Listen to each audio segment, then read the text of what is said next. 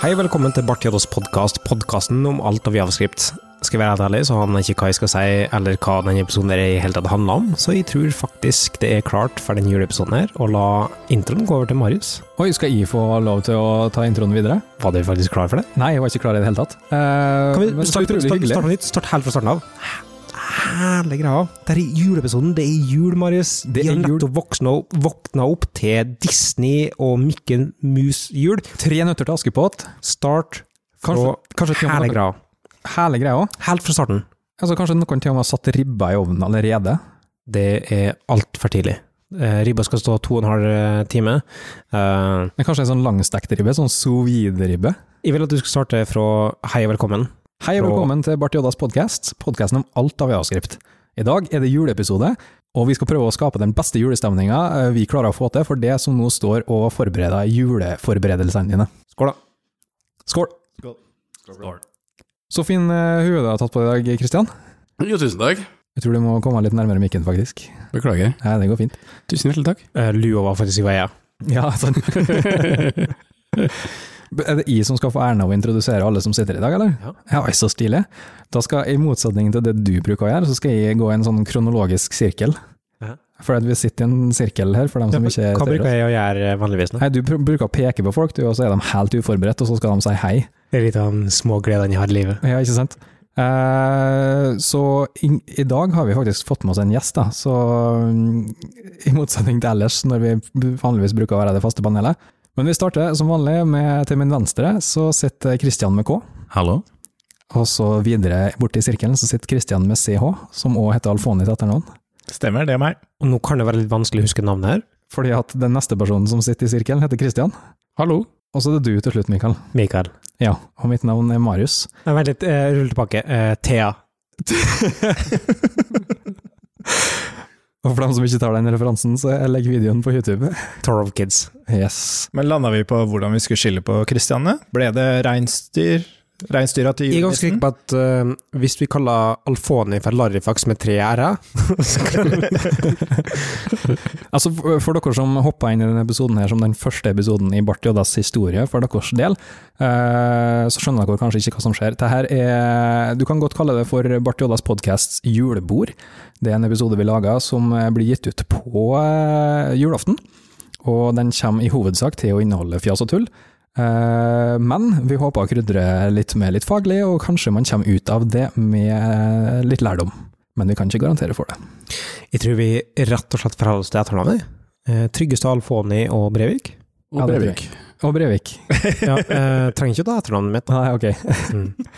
Men det er artig, eh, Kristian Brevik, du har vært gjest tidligere. Mm. Eh, så, så vi har på en måte tre Kristianer, to Breviker. Og så har du med deg som er the one and only. Det avviket her i rommet i dag. Enslig krakels. Yes. Altså det vi, eh, I og med at det er en litt sånn ekstraordinær episode, så tenkte vi at vi skulle gå gjennom litt av de tinga som Altså, vi skal ikke bare gjøre det, men vi skal først starte med å snakke litt om de tinga som vi har opplevd med Javascript eh, i år. Eh, Er det noen som har opplevd noe ekstraordinært med Javascript i år? Ja. Har du det, Ja, Kristian? ja. Eller eh, Brevik? Brevik. Ja, takk. Ja. Se, se Brevik. Kan Se ikke- Brevik. Kan ikke ha Crazy boy, liker jeg å kalle det. meg. Chris Cross, som jeg Mikael sier. Utrolig bra rappartist. eh, Du har to brødre. Ja. Men apropos Ludacris var russenavnet mitt, ikke Chris Cross. Mm. Mm. Oi. Mm, Just saying. Eh, nei, det jeg tenkte på aller først, var jo det jeg var med på forrige episode for, tror jeg, faktisk. Ja. Hvis det ikke var den før. Men det var i hvert fall når vi snakka om NPM layoffs. Mm. som var en eh, Hva skal jeg kalle det? En, mer en se og hør-episode enn noe annet. Eh, For det, var da, vi- da, da gikk opp, da, da vi endra fra å faktisk lære bort ting til å bare sitte og prate om sladder. Ja, rett og slett. Ja. Ja Jo, ja, eh, men det var i hvert fall en eh, langt mer dystopisk episode, på en måte. Var ikke Ja, det? jeg tror vi snakka om eh, infrastruktur og eh, Mm. Jeg begynte å legge ut om det, i hvert fall. Min redsel for at eh, det skulle gå ned. Ja, og, men det- det er litt sånn dystopisk i form av at eh, du har ett sentralt organ som er WC-funda, som i utgangspunktet står sentralt Altså, det står så sentralt i måten vi driver utvikling på nå, da. mm, Eh, og det er en single point of failure på mange måter. mm, mm. Eh, Det, og det, det er jo det NPM rett og slett er, altså på godt og vondt. Det har jo vært en flott godt tilskudd til vår eh, utviklerhverdag, i den at vi har bare én plass vi trenger å gå til for å finne det vi trenger. Vi trenger ikke å gå til Bower, vi trenger ikke å gå til Nuget, takk og lov, for å finne Mm, Eller javascript-verk. eh, sånn, alt av det Maven og sånne ting. Det kom som et friskt skudd inn i 2010, jeg tror det var første gang det kom. Eh, eh, Og så har det hatt sine utfordringer. Det har hatt skaleringsproblem, det har hatt eh, eh, mangel på i- i- immutabilitetsproblem, og nå sist så har det hatt et problem med organisasjonsstrukturen i utgangspunktet. Ja, og det var litt der vi kom inn med den episoden. Jeg syns vi var egentlig også litt forut for vår tid, for det var vel før eh, JS-konf i Berlin. Det var det, og det var faktisk før shit hit the fan òg, egentlig. Ja. De Eh, som har ført med på en måte tett i, i Twitter-sfæren, eh, har nok sett konturene av det allerede.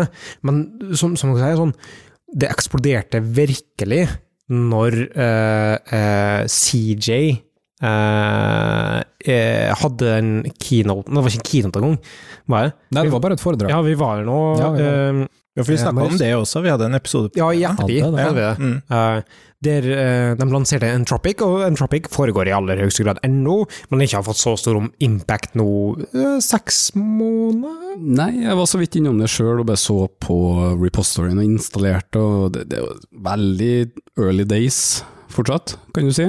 Er det trygt å si at vi var forut for vår eh, forut for vår tid med å predikere det som kom til å skje, men eh, hadde fæl i, i impacten det kom til å få for langvarige virkninger, da? Eller eh, jeg har vi ikke sett langvarige langvarig vik- virkninger ennå? Det var jo nettopp det vi satt og forutså på den episoden, egentlig. At det, det var ikke like mye et fak, en faktisk løsning eller et produkt, men mer et sånt standpunkt og mer eh, Altså, det skulle eh, illustrere et poeng, da. Mm. mer enn noe annet. Og og d- NPM ser jo ganske annerledes ut i dag enn det det gjorde da vi spen- spilte inn den episoden om NPM. Organisatorisk sett, tenker du? Ja, har ikke sjefen sjøl gått av, da? Eh, Seldo, altså eh, Ja, han, han Laurie was. Laurie han Wass, ja. eh, gikk av, eh, han som da eh, vi snakka om, tror jeg, mistenker jeg. Han, han sparka CJ eh, via tekstmelding. Eh, han gikk av. Ja, men jeg, jeg tenker på eh, The Main Boss, Isaac, jeg. Isaac Charles gikk ikke av, eh, men CEO-en CEO-en som, gikk av. som, Men eh, riktignok har han nettopp fått jobben, når vi snakker om det nesten nå, da. Mm. Eh, men han, han eh, gikk av til slutt, ja. Mhm. Eh, Det starta vel med at Eller det vi prata om, var vel layoffs i seg sjøl. Det var ikke liksom NPM som altså en sentralisert løsning, og vi er redd for at hvis det går ned, så går alt ned. Men det var også det at det var faktisk et reelt problem med hvordan de behandla de ansatte i NPM, mm. og eh, hvordan de, de ble sagt opp og lignende. Ja. Ja, og- og- men jeg vil påstå, og det påstår jeg nå eh, i stor grad, at eh, produktet du lager er en refleksjon til hvordan du blir drevet som organisasjon. Da. Eh, så det at hvis de blir drevet på en dårlig måte, og, og det de gjorde var å hyre inn eh, eksterne konsulenter som bare kom inn og strong-arma sparkinga av folk på dagen, og tvinga dem til å, send, eh, til å signere NDAs, eh, hvis de noen gang sa noe ondt om arbeidsplassen eller avslørte noe om det, det er ikke et godt tegn for organisasjonen i utgangspunktet, og det fordrer ikke gode produkter heller. Eh, og d- det har vi sett litt grann virkninger av på NPM. Eh, mange, mange, mange mange slutta. Mange sentrale roller slutta. Eh, blant annet en co-founder i lag med Isaac Scholz, han eh, eh, Laurie Wass, Seldo på Twitter, eh, slutta. Eh, og eh, mange sentrale i måten du driver organisasjonen på og utviklinga på, slutta.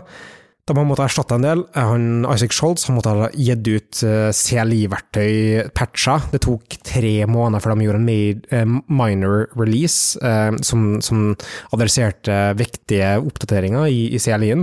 De lå langt bakpå. De har fått inn mange nye. Men fortsatt så har de ikke gjort noen store oppdateringer. De, de, de er fortsatt ikke i det hele tatt eh, det du skulle forvente at de skulle ha vært fra før av. da. Du får liksom pu- følelsen at det putrer og går, på sett og vis ennå. At det liksom Det er ikke helt avgjort, det som vi snakka om, jeg tror det var i tidlig februar eller noe sånt jeg var med på en episode. Kanskje, kanskje senere, jeg husker ikke. Tida går så Tida går så Men- sjukt fort. Men sånn, for oss i praksis, er er det egentlig, har det egentlig skjedd noe? Altså, det har jo skjedd i kulissene, føler jeg da, for det, også i forhold til bestandig, det er ikke bestandig at eh, det at det skjer noe, er ikke nødvendigvis samme som mangel på at det skjer noe. Eh, Poenget mitt da, det er at eh, nei, det har ikke skjedd noe, men det har heller ikke skjedd noe. ja, men, altså, skj- skjønner du hva jeg mener? Det har ikke hatt noe eh, direkte negativ ting som har skjedd. Eh, serveren har ikke eksplodert, eller Nei. ting har ikke blitt dårligere. Men har heller ikke eh, eh, blitt bedre. De har heller ikke tatt aktive grep for å forbedre det de mangla. Ja, for det husker jeg at det var jo sånn eh, Du snakker om at det putrer og går og sånn, for det husker jeg var en sånn MPM-greie. At det, det var liksom ikke noe innovasjon i det rommet, føltes det som. Eh, og så husker jeg Jarn kom og sånn, og så plutselig så var det akkurat som det skjedde et eller annet. Og det er det jeg føler kanskje vi har mista litt, da, var at det plutselig så bare skjedde det ganske mye med MPM. Og så kanskje har det plutselig falt litt ned igjen, da, på grunn av alt det som har Og, skjedd. og mye av det var eh, eh, eh, Hun hadde eh, Twitter-handelen nettopp, slu- an- nettopp endret navn eh, fra Twitter til Maybe Cats til Cats underscore underscore. Um, tr- tror jeg er den nye Twitter-handelen. Og hun um, var jo sentral. Hun var eh, Hun som laga Sea Sea Lion, da. Mm. Ja. Så hun var ansvarlig for Sea Lion og lagde det- Sea Lion 5.0, og står også bak, eh, sto bak eh, Tink. Nå jobber han mer på Entropic, eh, som s- s- kom mye fra den innovasjonen som skjedde som en respons til Jarn. Ja, Jarn pressa på og eh, viste nok en gang at det å ha utfordring, det fordrer innovasjon, sant? Eh, men så var det noen som responderte på det. Eh, men de, de har slutta, sant?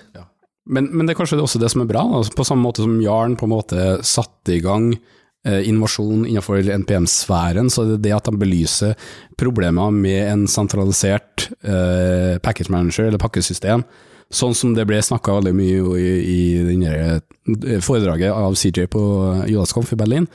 Så det det at du belyser det problemet, er kanskje det er en bra ting i seg sjøl. Altså det- jeg, sier- jeg sier jo ikke at NPM må dø for at det skal komme noe bedre. Det kan jo være rett og slett at du belyser det her problemområdet, og at ting blir bedre av den eh, grunn. Og det, da, det, er en, det er jo en win, er ikke det? Jeg, sk- jeg skal også si så- såpass her at um, for min del så er ikke det Og det her kan- høres kanskje litt sånn idealistisk ut. For min del er det ikke det største problemet. Jeg har litt grann problem med sentralisering. Eh, største problemet er WC-funding, re- rett og slett. For at det endrer måten du driver organisasjonen på, og endrer det du, måten du tar avgjørelser på. Da. Eh, og det er kanskje den største delen. Så, så kan du si at det er interconnected med distribusjon og sentralisering, men Mm. Og Der syns jeg folk bør følge at DHH på Twitter hvis de har lyst til å høre mye bra snakk i forhold til WC-funding. Han er jo, eh, du kan si hva du vil om, om Ruby on Rails og, og, Mm. og Basecamp og alle sånne ting. Det, eller Basecamp har gjort mange kule ting, ehm, men eh, han, eh, naboen vår, eh, DHH, David eh, Heinemann Hansen. ja, han er ja, dansk da. Ja. Eh, mange gode tanker akkurat. eh, Det er jo en bok. Jeg begynte å høre på lydbøker. Og første lydboka jeg hørte på, det er It Doesn't Have To Be Crazy At Work. Og det er jo basert på Basecamp, men da Mm. ikke produktet, Single men 39, egentlig. s- Organisasjonen deres er ikke det som er Eh, De kaller seg Basecamp nå. Ok, Ja. for gamle Men der. det var inspirerende. Ja, men Du vil anbefale boka? Ja, definitivt. Absolutt. Kult, kult. Ja, altså, jeg var jo ikke forberedt på at vi skulle snakke så lenge om de eh, tingene vi tok opp, så jeg foreslår egentlig at vi velger én ting til. Eh, highlight eh, av 2019 eh, i javascript-sammenheng, og så snakka vi litt om det. Christian Alfoni, du hadde Jeg foreslo jo svelte, jeg da, og så får jeg selvfølgelig en peker fra Mikael, som har bare all javascript-leksikon i hodet. At det skjedde jo ikke i år, men 2.0 skjedde i år. Stemmer det? Nok det er i hvert fall nå nok til å det- svare eh, på hverken heller.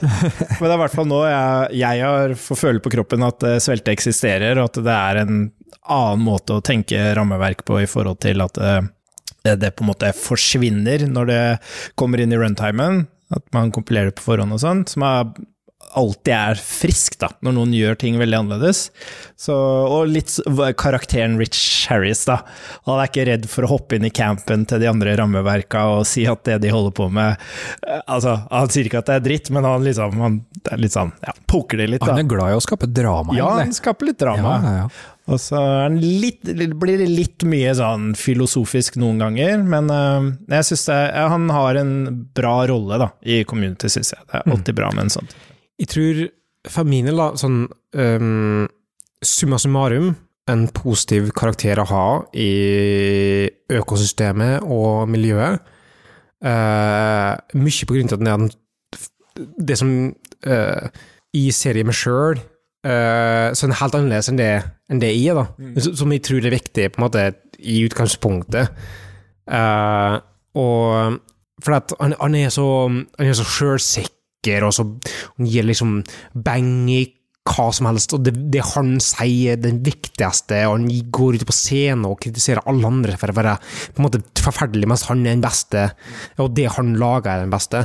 Eh, Så han er utrolig sånn ordentlig amerikansk, em, som kan være slitsomt. men Er det ikke han lager- britisk, da? han, han er amerikansk og jobber for New York Times. Um, eller The Guardian, sorry. Eh, The Guardian.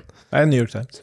Men, men er det noen av dere som har eh, brukt svelte og har erfaring med det? Jeg har ikke brukt det noe annet enn å lage ett prosjekt i det, Eh, og jeg, jeg syns det er en positiv ting. Eh, eller det jeg brukte var i utgangspunktet Zapper, som er, er Next JS for svelte. Altså det er en, et rammeverk på toppen av svelte som eh, lar det ha uh, servicesiderendring i lag med klenesiderendring og hydrering mellom dem. Ja, og det er en eh, ekstremt in interessant teknologi, i hvert fall hvis du ser eh, fra der den kommer fra, da, som er medieindustrien, og lager mye statisk side og sånne ting. Det er ikke så nødvendigvis um, altså det, er ikke, det er ikke den beste løsninga for eh, det mest dynamiske, eh, interaktive sånn, Vi skulle, brukt, vi skulle laga Trello, eh, en webapp, ordentlig rik webapp, så jeg tror ikke jeg hadde vært det, ut ifra den begrensa erfaringa jeg har. Men det er absolutt en som, som jeg sier, sånn, eh, han kommer som en utfordrer og har et par interessante teknologier som han eh, bidrar inn, både med, med roll-up og, um, og svelte, da. Og så har han og eh, Hva er siste sto- store greien? Det er, to, det, det er tre ting som jeg drømmer med. Altså, det er jo verdt å nevne at eh, Rich Harris uh, jobber jo til daglig som eh, Han, han jobba jo i New York Times, det var det vi etablerte nå. Eh, han jobba jo med, med grafisk rike historier i en eh, avissammenheng. På Det mange er jo- måter, eh, sånn som eh, Stian Møllersen, som har vært på podkasten mange ganger, som har den der sånn eh, eh, eh, rik journalistikk-rolla, da, som Ikke NRK sant? driver med. Og det er jo eh, Man kan jo tenke seg til at han har prøvd å lage det et- for å dekke et behov han sjøl har hatt, Eh, og i mange tilfeller så vil jo det da være rike eh, ja, altså avis... eh, journalistiske statiske sider, Yes. men med en viss form for dynamikk. Yes. Og det er kjempeinteressant. Altså, det det løser, det syns jeg det løser kjempebra, Ja. og det er kjempeinteressant. Eh, og, og der kommer den største kjepphesten min uansett. da. Det er at Når vi snakker om teknologi, på en måte, så driver vi bestandig og angriper det fra en eh, vinkling av eh, hva slags type løsninger vi som regel gjør. Eh, og så glemmer vi å tenke over at teknologier har forskjellige styrker. Da. Så det er Zapper og Svelte og den prekompileringsteknologien og sånne ting ha- har en kjempenyttig eh, sfære. Og så har eh, Angler sin eh, nyttige sfære, og så har React sin nyttige sfære. Og så eh, blander du med toppen på det hva tilgjengelighet og kompetanse og tilgjengelighet av folk som driver med forskjellige ting, og så blir det en kompleks ball av surre som harem, da. Og så syns jeg det er så synd at de historiene, hvorfor ble ting laga i utgangspunktet, de forsvinner med åra. Sånn som Angler, når det først kom, AnglerJS, så var det jo fordi at de, eh, i forhold til designere og sånn, og det å jobbe med HTML, at du skulle føle som du fortsatt jobba med HTML. Facebook, med Flux, da, hadde jo sin De hadde den der notification counteren som aldri var riktig, f.eks. Og Rich Harris har jo det her med eh, at han jobber for en avis, og de skal ha noe rikt innhold, liksom. Eh, og sånn er det med eh, alle al- Altså, det kommer fra et sted. Man prøver å løse et ganske konkret problem, selv om det løses veldig generisk, og den historia forsvinner veldig ofte da. Men så er det viktig å tenke på at eh, ikke bare forsvinner den historien nødvendigvis at du ikke har konteksten til det lenger, men eh, produktet utvikler seg òg, da. Sant? Um, eh, Angler har utvikla seg fra Det var egentlig et HTML-only-språk for designere som skulle lage design uten å, kunne, uten å trenge å programmere. React var det med state management, som du tenker, men enda man morfa seg utenom, vekk fra den flux-patternet. Og og gått over til mer lokal state. Eh, og, og samme blir det nok eh, eh, en del med liksom, eh, svelt og sånne ting. Da. Jeg går vekk fra den originale ideen. Og det er helt greit. eh, eh, Men for, det jeg lurer på er hva, hva er det da er basert på, på en måte? For det lurer jeg veldig på når man får de konkrete historiene på forhånd. Og ta sånn som Angler, nå er ikke jeg så kjent med det, men hva, var det på en måte en historie når Angler 2 kom? Hvorfor de valgte å skifte fokus, Det liksom. var en lang historie som Det Ja, for Noen ganger føler man at man, blir så, man går så dypt inn i teknologien man har jobba med, og man har teorier om hvorfor. Nei, eh, begynner å bli en stund siden, altså jeg husker det jo ikke helt, men eh, det var vel det at de, de så at den eh, API-surfacen og den modellen Angler JS hadde, ikke var eh, det aller mest optimale. da. At de ville gjøre det på den optimale måten som de, de hadde funnet, da. men eh, det blei så radikalt forskjellig at de måtte på en måte skille litt på det, men så turte de sikkert ikke å kaste navnet helt, da, fordi at det, det ville jo ha gitt dem masse sånn PR-issues, da. Men men jeg synes det interessante spørsmålet er hva, hva er optimalt, optimalt i forhold til hva? For det, er det vi egentlig diskuterer, er hva er use caset? Ja. Det endrer jo seg så ofte. Du kan jo f.eks. et av salgspunktene til View for eksempel, er jo at eh, det er enkelt å starte. Og så bygger du et øye, så blir det større og større, og større, og så skalerer det ikke, f.eks. Mm. Det var vel en case året her òg, for å gjøre en callback til en tidligere diskusjon. Og, og det er ting vi aldri får egentlig svar på da, i utgangspunktet. Nei, og jeg tror jo vi alle sammen har et ansvar for å, å faktisk sette oss inn i hva de forskjellige rammeverkene og, og hva de har styrka er, og velge eh, basert på det, og, hell, og ikke ta et rammeverk og prøve å få det til å passe inn i sitt bruksområde bare fordi at det høres kult ut. Det vil, det vil bare si at eh, derfor er det absolutt viktigste deres fundamentet, for at da kan du bevege deg mellom rammeverkene i utgangspunktet. Som er javascript. Fundamentet er javascript. Ja, og HTML. Ja, ikke sant? Eh, Men vi har jo snakka en del om det å, å gå fra én ting eh, og bli noe annet enn det man initielt tenkte, og eh, det skal vi òg gjøre med den podkast-episoden her. Vi skal bevege oss videre i programmet. Og det er jo ikke en episode med meg ved roret uten at vi har litt gameshow.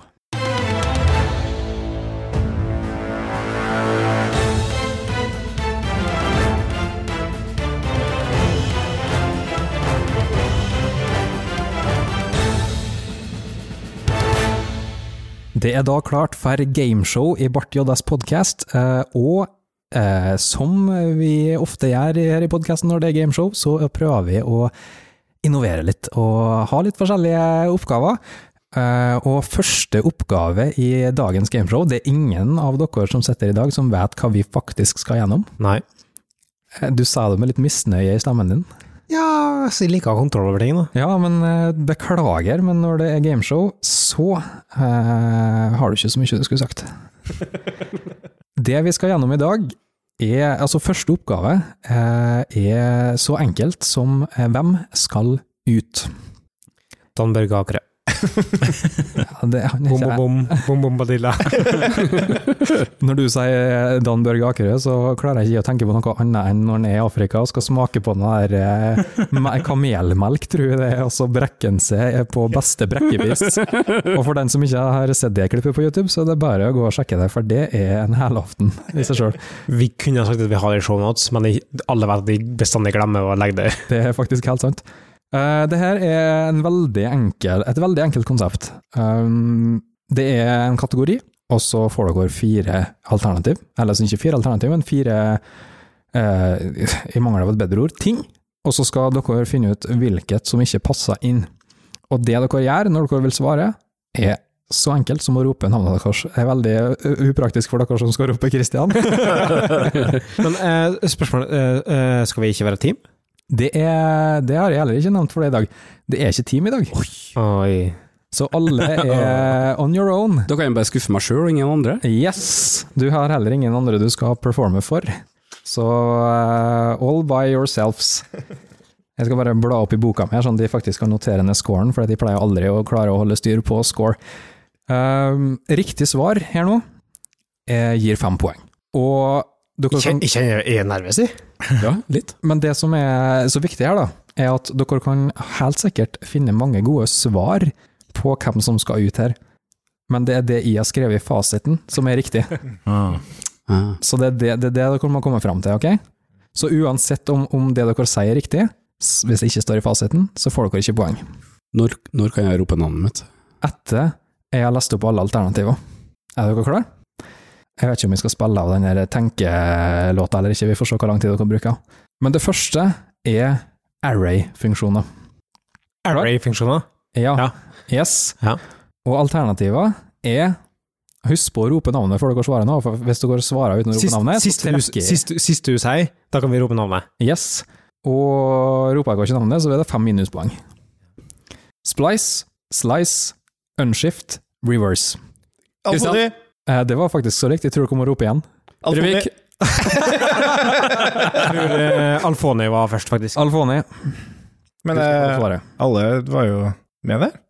Det er en av dem som skal ut. Jo, men Splice, Slice, Unshift og Reverse Ja, ikke la- Alle de er array-metoder. Ja, men eh, han klarer det tydeligvis ikke. Det er, det er en av dem som ikke hører hjemme. Da går det til, Ah! da går det til eh, Brevik, mener jeg. Og Yes. så sier Mikael etterpå. Ja. Reverse. Eh, Jeg vil, altså, det som er viktig her, er at jeg, jeg, må, ha, jeg må ha en resonnering til hvorfor det er riktig. Går det videre til Mikael? Eh, det, altså, med mindre Det, altså, det, er, for, det er feil, da, så du skal få slippe å resonnere Ah, ja. fram til hvorfor det er riktig. Nei, det er vi. Men Mikael, vær så god. Eh, splice, for den muterer ikke originale eh, array-objektet. Det er feil. Slice, for den muterer ikke det originale Du- Det du- array-objektet. så svarte går til neste. Den eneste Minus som, fem. Det eneste som ikke har svart, det er du, eh, Tryggestad. Hva har du lyst til å svare? Un unshift, Ta det siste i sa. slice, Fordi at det er ikke mutere. Det er helt riktig! Poeng til Kristian Tryggestad. Eller fem, eh, i det her tilfellet. Ja, ti, da, fordi at alle andre fikk minus fem. Ja, nå, er- nå er jeg tilbake på videregående. Lett, ass. For det er så typisk sånn der at jeg alltid ser annerledes på spørsmålet enn alle andre. Og det er ikke feil det jeg gjorde. Det var ikke feil. Nei, du sa navnet ditt, så du gjorde et eller annet riktig, i hvert fall. Men du svarte feil, som er på mange måter det viktigste.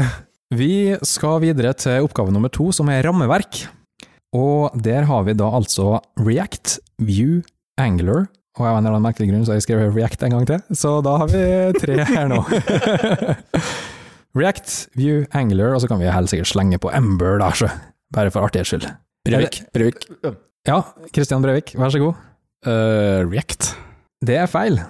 Men eh, vi kan helt sikkert slenge på den her òg, bare for å ha et eller annet i bakgrunnen. Får Eh, jeg- får jeg minuspoeng av å svare for den? Nei, så hvis du, ikke, hvis du ikke sier navnet ditt, da får du minuspoeng.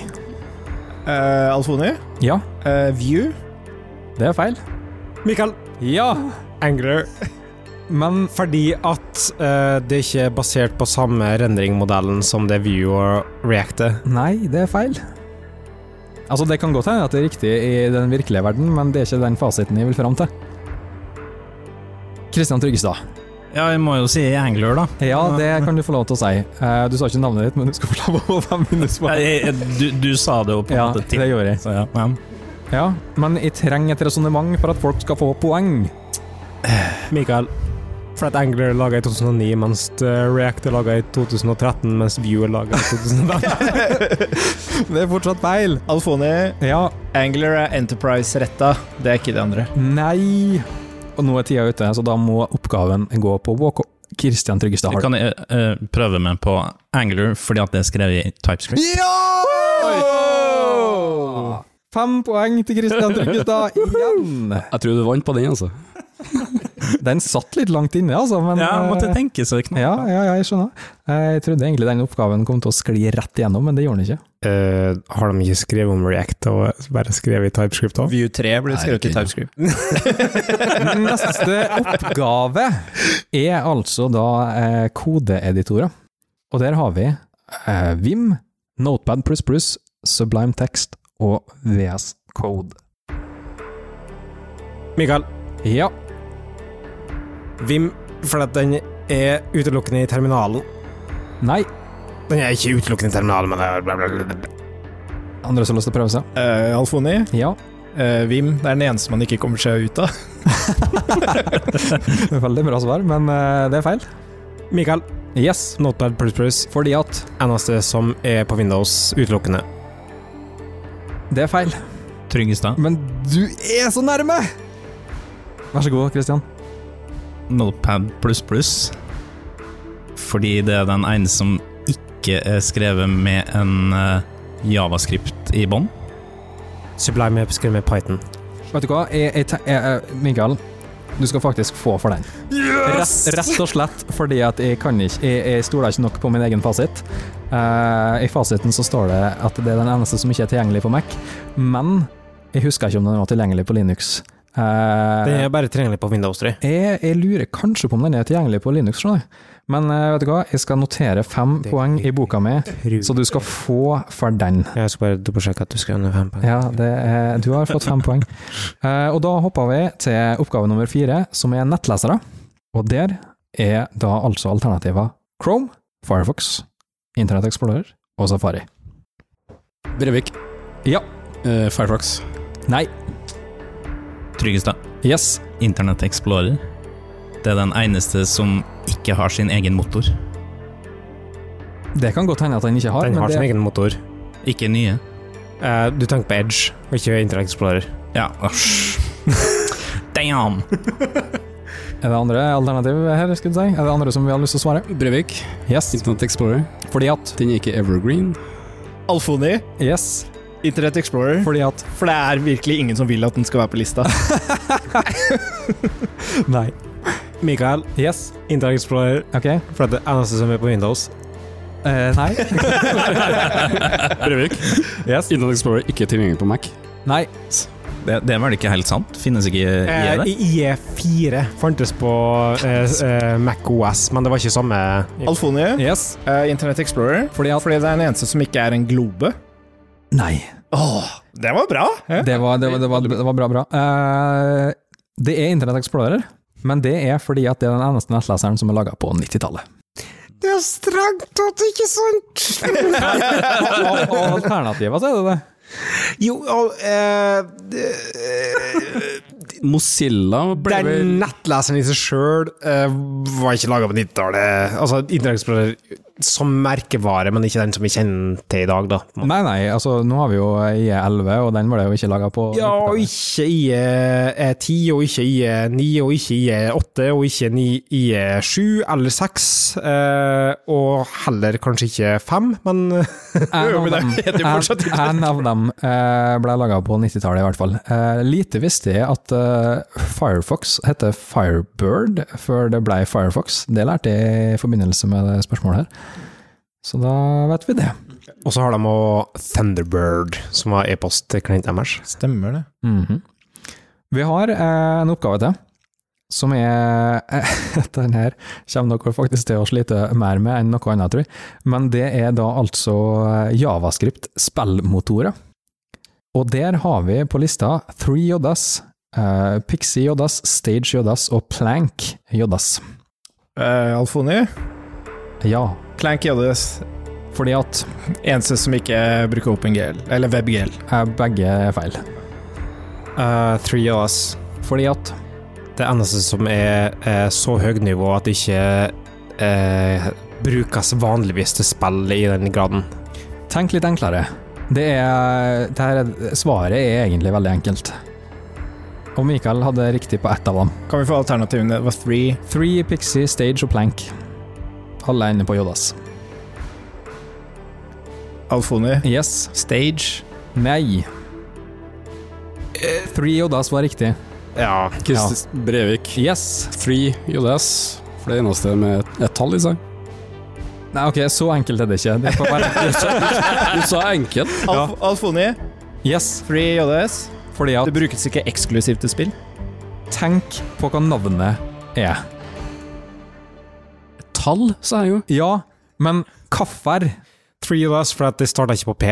Jeez, Louise, det gjør ikke Stage heller. Og jeg husker ikke hva det var. Jeg husker bare Plank og Pixie. 3JS er den eneste av dem jeg har nevnt som er støtta 3D. Er Og det det? verre var det ikke. Ja, men da, det var jo det var jo ikke langt unna, da. Nei! Det var bare motsatt. Jeg liker å si at ikke, ikke 2D, bare 3D med en ekstra dimensjon. Men ok, eh, la oss oppsummere poengstillinga her. Eh, Kristian Tryggestad, du har ti poeng. Mikael, du har fem. Jeg vil bare si at det ene fempangeren som Christian virkelig eh, Den skal du ha. Det skal jeg ha på papp... Øh, Vi skal ikke Da, på da vil jeg papir. også bare s- si at du svarte uten å si navnet ditt først. i stad. Så da skal du ha minuspoeng. Oh. Eh, Nei, vi skal ikke være så vanskelig på det. Men vet du, jeg skal alltid ta deg på, Mikael, at du sa at Splice ikke muterer. ja, jeg husker aldri forskjellen på splice og slice. jeg. Eh, det skal vi være såpass ærlig skal vi være. må jeg si. Men eh, jeg hadde i hvert fall rett tanke. Jeg visste at en av dem muterte, og andre ikke Du var muterte. inne på Mhm. den. Ja. Eh, Og jeg visste at alle de andre muterte, Mm. så eh, jeg blir litt rankere ut, da. Mm. Ja, du skal få litt cred. Vi skal videre fra gameshow inn i noe helt annet, som ikke er gameshow. Eh, Show. og eh, jeg har egentlig ikke forberedt dere på det her, der, men for å forberede dere litt nå mens vi sitter her, så tenkte jeg at jeg skulle eh, prøve å skape en stemning. Så eh, jeg- nå, nå kjenner jeg faktisk at jeg får litt prestasjonsangst. Har du skrevet dikt, eller? Eh, nei, Limerick? men jeg har skrevet noe annet. Og eh, det skal vi begi oss ut på nå. La oss vente mens han tar ut snusen. Ja, ja, ja. Ehm, så jeg tenker, uten å si noe mer om det, så gjør vi bare sånn som det her.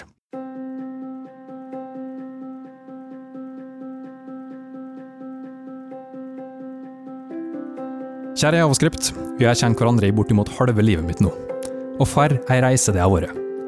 Vi har tilbrakt flere tusen timer i lag, og jeg minnes tilbake til da vi først møttes. Du husker kanskje at vi brukte adresselinja i browseren for å få rare ting til å skje i nettleservinduet. Og jeg kjente det ikke særlig godt, da. Og jeg forsto ikke helt hvordan du fungerte. Men jeg huska jeg syntes du var ganske kul, og jeg ville bli bedre kjent med deg.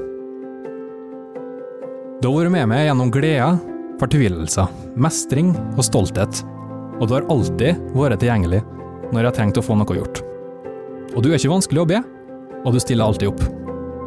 Og etter mange år så føler jeg at jeg, har blitt, at jeg kjenner deg ganske godt, men samtidig så vet jeg at du har mye under overflata som jeg gleder meg til å bli kjent med. Så kjære Javascript, takk for at du er du, og takk for tida vi har hatt i lag. Jeg ser frem til mange hyggelige stunder med deg i åra som kommer. Vet du hva, Vi hadde en samtale her i stad om Avengers Endgame. At det kom en liten tåre i øyekroken på et par av par av gutta her. Vet du hva? Ja. Det Du, du kjente det? Ja, ja. ja, ja. Grått som eh, gaute på farmen. Men det jeg tenkte vi kunne gjøre, da, i og med at det er litt jul og litt sånn god stemning, så tenkte jeg at vi, vi kan prøve å mimre tilbake til vårt eh, første øyeblikk med Javascript, og prøve å bare tenke gjennom hva var det første, på en måte Vårt første møte med det her litt sånn rare språket som vi bruker dag etter dag. Eh, Alfoni. Ja, Alfoni. Jquery med fade in. Fade in-metoden i Jquery. Kommer jeg aldri til å glemme. Du gjør ikke det? Nei, nei, nei. Bare det å kunne velge hvilket som helst element og bare si fade out og fade in, eh, det var magisk. Helt magisk. Ja, er det, er det noen som har andre minner fra javascript? Jeg har så mange minner. Du har det. Du har det, du, du altså, ja. Eh, Alfoni? Når Node kom ut, at du kunne jobbe med javascript i et helt annet eh, miljø.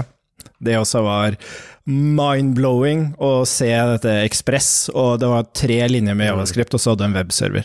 Oh my god. når var første gang du jobbet med javascript, eh, Trygve? Eh, Litt usikker på det. Det må ha vært på eh, skolen, tror jeg. Altså på bachelor, Ja. vil jeg tro. Jeg var en litt sånn POP-guy før det. Mm. Jeg var en PHP-utvikler. Brevik. Det var ikke skole, det var jobb. Jeg jobbet med statiske språk i mange Ja. herrens år, static Sa- typing. Ja. Mm. Og så var det vel at jeg begynte å jobbe med nettbutikk eller noe sånt som det her, og skulle prøve å gjøre litt mer enn bare det å vise innhold. Skape en opplevelse, liksom. Og så merker du at, eh, at eh, det her er jo Altså, det her høres, det høres ut som dere er gifta bort, liksom. Det, er sånn her. Jeg møtte, det var jo ekte forelskelse for min del. Dere er jo gifta bort. til egen- Ja, eh, ok. eh, jeg skal ikke stikke under stol. Altså, jeg, jeg liker språket ekstremt godt. Jeg liker mange, jeg liker mange programmerspråk. Eh, jeg er ikke bare polyglott, men jeg er polygam. Det funker i forbindelse med det her. ja. Eh, Samboeren min er sikkert ikke fornøyd med seg. Men eh, jeg husker sjukt godt eh, eh, Det var, det var 2000 og, 2005, eh, og det var sånn det var like før J.Curry kom, da, og fade in og fade out og den biten der, som var helt amazing. Sånn, du hadde prototype eh, Det var akkurat en periode, og vi drev og snakka liksom om å utvide prototypen til språket var negativt, og den prototypen baserte ah, Det var, det var storhetsperioden min. Det var da du fikk det. Eh, og- og som eh, Tryggestad, da, som de var eh, primært en PHP-utvikler. Eh, og husker jeg leide inn en her i Trondheim, faktisk, eh, som, eh, som kalte seg Da Bear. Husker jeg den? Jeg husker han, han, han hengte jo på Norsk Webforum. Mhm. Ja. Eh, han, han jobber her fortsatt en eh, dag i dag. Eh, jeg har sett den eh, rundt omkring. Um, leide inn han til å, å skrive eh, javascript ferdig med Mhm. Mm. på et eh, nivå, for jeg brydde meg ikke så galt om den der, eh, greia. Det skulle liksom være en backend-utvikler. Og så innså jeg på en måte Wow, hva hva han fikk til! Interaktiviteten og å lage løsninger. Husk på at jeg var midt i Web 2.0-perioden, og det, eh, eh, det var ett år før eh, Gmail-klienten på mobil og eh, eh, på web fantes. Så var, det, var, det var før spa, det var før alt sånne ting. Eh, og det å begynne å få interaktivitet, og det med eh, toggle og alt, alt det her, sant, det var, det var det var før å togle klasser, det var før å fade in, fade out, som du sier, eh, Alfoni. Så, så det minste ting du fikk til med javascripten, på en dynamisk måte som, som retta seg mot eh, eh, single page application-type tankegang, var helt sånn Eh, og, eh, og, og så, så så jeg hva han gjorde med det. Eh, han, han Da Beer. som- Eh, og hun bare sier Steike, det her det- det- Må gå inn på det her. Eh, og så kom J.Curry og, og Sissel-motoren, som er CSS-selektorer. Igjen, det gjør vi den dag i dag eh, i native eh, javascript. Så bare skriver CSS-selektorer og får ut eh, akkurat det vi vil ha, som er utrolig i utgangspunktet. Eh, eh, som, som det her var starten på, sant? Helt mind-blowing, egentlig, når du ser tilbake på det. Um, og så fikk jeg en stor kontrakt som første perioden min som frilanser i utgangspunktet. Uh, jeg hadde uh, laga et firma i mamma sitt navn, uh, for jeg var 17 år på tida. Um, uh, og uh, for ung til å ha enkeltpersonsforedrag. Uh, og jeg laga et i, i hans navn, og så fikk jeg en stor kontrakt da, i utgangspunktet med et uh, medieselskap, eller en, en avi, noen som prøvde så, uh, å lage en avis i, i, eh, i Norge som eh, heter Avis 2, tror jeg det Jeg var. tror du har rett i det. altså. Um, og de ville ha sånn eh, custom du, du skulle tilpasse nyhetsstoryen din eh, som en vanlig nyhetsavis, bare at du kunne tilpasse den. Og så ville de ha, på den tida som var eh, tilsvarende Dagbladet sin kommentarsystem, som er på mange måter som Discuss i dag. Eh, så implementerte hele den greia der, og fikk eh, 40 000 for det. Wow. Eh, og det var òg første gangen jeg gikk på med en 13 000 skattesmell. Eh, som da, igjen Det var registrert på mamma. Så eh, den Det var mamma som gikk på spørsmål. Yes, stemmer. Så eh, barnehageansatt mamma fikk en 13 000 skattespill eh, som javascript-utvikler. Jeg fikk en CD-brenner jeg, for mitt første eh, web-oppdrag. Det var ikke mitt første weboppdrag, riktignok, da, men det var mitt største ordentlig store betalte frilansoppdrag. Mhm. Men jeg husker eh, eh, noe av det som er gøy med javascript, er det eh, hvor kort vei det er for å bruke det til å begynne å tenke og lage egne abstraksjoner over det. Eh, og jeg husker min første abstraksjon, det het superfunction. Eh, og superfunction, det var rett og slett at eh, du hadde en funksjon, eh, der det første argumentet var en funksjon som er egentlig constructoren, da. Og så hadde du andre argumentet, var et objekt som egentlig var prototypen, da. Og det her kalte jeg for superfunction, og så eh, lagde jeg en liten eh, powerpoint-presentasjon med svart bakgrunnsfarge, fordi det visste jeg at eh, Douglas Crockford likte. Så sendte jeg mail til Douglas Crockford, og fortalte og presenterte mitt superfunction-konsept. Men, men, sendte e-post til henne og sa at du, du hadde laga en presentasjon med svart bakgrunn, og at du var veldig stolt av deg. Nei, nei, nei. Nei. Alfani. Ja. Så det hun lagde, var Object.create, som, som Douglas Crockford har laga og fått Vet inn du i hva? sprekken. Ja, det, er- det er inspirert. Det kan være inspirert, for det er mange, mange mange år siden. Men noe av det sjukeste med det, det var det at en av de tingene jeg gjorde med den abstraksjonen, var det at eh, den tracka hver gang noe ble kalt på. Så jeg husker jeg viste det i en demo til en kunde. Vi trigga noe funksjonalitet i en ganske kompleks app, og så skrev jeg en liten kommando, og så bare spytta han ut liksom alt som hadde skjedd da, når vi trykte på den knappen. Og det er en sånn ting som Det, det tenkte jeg faktisk på først nå, at det er jo det jeg liksom holder veldig på med Hva, i dag hva, også. hva år var det her? Åh, det her var når jeg akkurat har begynt å programmere, kanskje 26 26, det var nesten 10 år siden, ja, 9, år siden. Så etter object.create, da. Object.create kom med ES5 Mm. i 2009. F- Fikk du svar? Jeg fikk svar. gjorde du det? Ja, ja, fordi eh, jeg sendte egentlig mailen eh, i forhold til at jeg ville på en måte eh, etterligne litt eh, For det var Java-utviklere, så jeg ville at de skal være mer komfortable. Og Da så- kunne jeg også snakke med Angular-folket, da. For de har gjort det i mange år. ja, ikke sant? Og det, men det eneste jeg fikk i svar, var bare Lær utviklerne deres javascript, liksom. Det var sånn. det, var bare, det var ikke punktum, det var ikke noe, i hvert fall ikke en smiley der. Og det irriterer det mest over at det ikke var nok tegnsetting! Men det jeg egentlig vil si som er sånn der, jeg tror alle kjenner seg igjen i her, det er liksom stack overflow. Den her copy-paste-mentaliteten, og vi skammer oss ikke over det heller. Og det er så mye informasjon der ute. Er det et eller annet du har lyst til å lage, så er det noen som har laga et eller annet som ligner, som gjør at du faktisk kommer i mål. Da. Kanskje ikke på den beste måten, men du kommer i hvert fall i mål med hva enn du måtte tenke deg å lage. Skal du lage det med javascript, så får du det til, altså. Du er flink til å si R i javascript, syns jeg. Syns du det? Ja. Nei, jeg må jo Veldig kompensere litt. Flinkere enn det du bruker å være. Men det brevet ikke Ja, ja du, altså du, du er for, for dem som hører på, da, eh, det er verdt å spole tilbake til sånn episode kanskje eh, par og tjue, der Mikael Jeg har konsekvent jobba sier javascript. Jeg har jobba så hardt med å si javascript, Eh, og det var formidabelt, var ikke det? Ja, jeg synes Javascript. egentlig du, du, du har vært gjennom en, r- en reise i livet, du. Der du Renessanse. Vet du hva jeg skal gjøre? For jeg, jeg merka det på uh, dattera vår, som er tre år. Hun klarer ikke å si r ennå. Det er ganske vanlig når man er såpass ung. Og Men- når du er 30 år. ja, men da, jeg, da jeg merker at hun begynner å få til r-en sin, så skal jeg få henne til å si javascript, og så skal jeg filme det og så skal jeg sende det. Det Nydelig. er det. Kan vi lage en podkastepisode til det? Ja. R i javascript. Er det andre som har minne fra sitt første møte med javascript, eller eh, skal vi lukke den spalten? Jeg tar stillheten som et nei, og så går vi videre til en ny runde med Jeg la jingelen eh, Jingelen, faktisk, eh, snakke for seg selv. Jingle bells.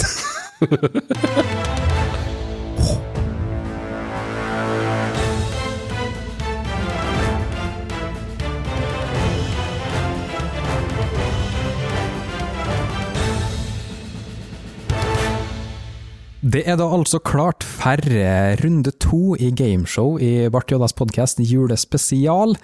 Det er da riktignok siste runde òg i gameshowet, vi har bare to runder i dag. Uh, husker jeg feil hvis de husker at det ble uavgjort, eller vant du sist? Kristian?